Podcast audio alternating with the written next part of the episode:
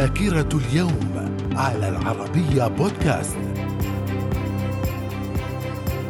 أهلا بكم ومن ذاكرة اليوم الثامن والعشرين من مارس في العام 1939 استسلام العاصمة الإسبانية مدريد لجيش المتمردين بقيادة الجنرال فرانكو.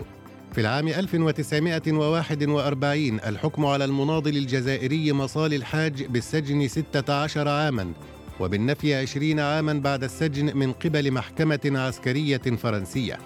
وفي العام 1953 ليبيا تنضم لجامعة الدول العربية. في العام 1962 انقلاب عسكري في سوريا بقيادة عبد الكريم النحلاوي ضد حكومة معروف الدواليبي. ذاكرة اليوم. ومن ذاكرة الثامن والعشرين من مارس في العام 1970 طرد القوات البريطانية وإجلاء قواعدها في ليبيا وذلك لأول مرة منذ دخولها البلاد بعد الحرب العالمية الثانية وفي العام 1984 منتخب العراق لكرة القدم يفوز بكأس بطولة الخليج لكرة القدم المقامة في عمان.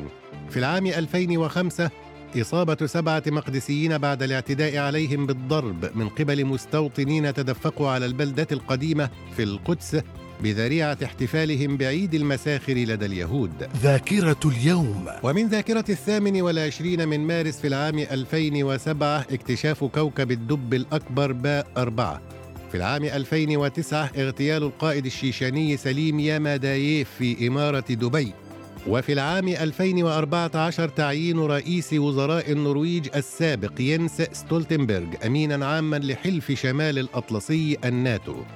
في العام 2015 جيش الفتح الذي يضم تسعة فصائل يسيطر على مدينة إدلب بعد أربعة أيام من المعارك مع الجيش السوري. وفي العام 2015 أيضا بدء أعمال القمة العربية في شرم الشيخ بمصر وسط أزمات سياسية وعسكرية تشهدها المنطقة العربية. ذاكرة اليوم. ومن مواليد الثامن والعشرين من مارس في العام 623 مروان بن الحكم الخليفة الأموي الرابع في دمشق ومؤسس الدولة الأموية الثانية.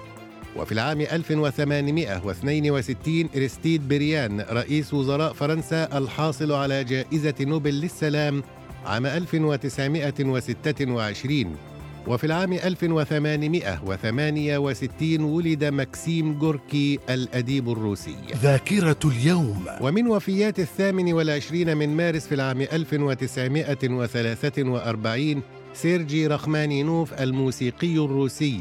في العام 1969 توفي دوايت أيزنهاور رئيس الولايات المتحدة الرابع والثلاثون.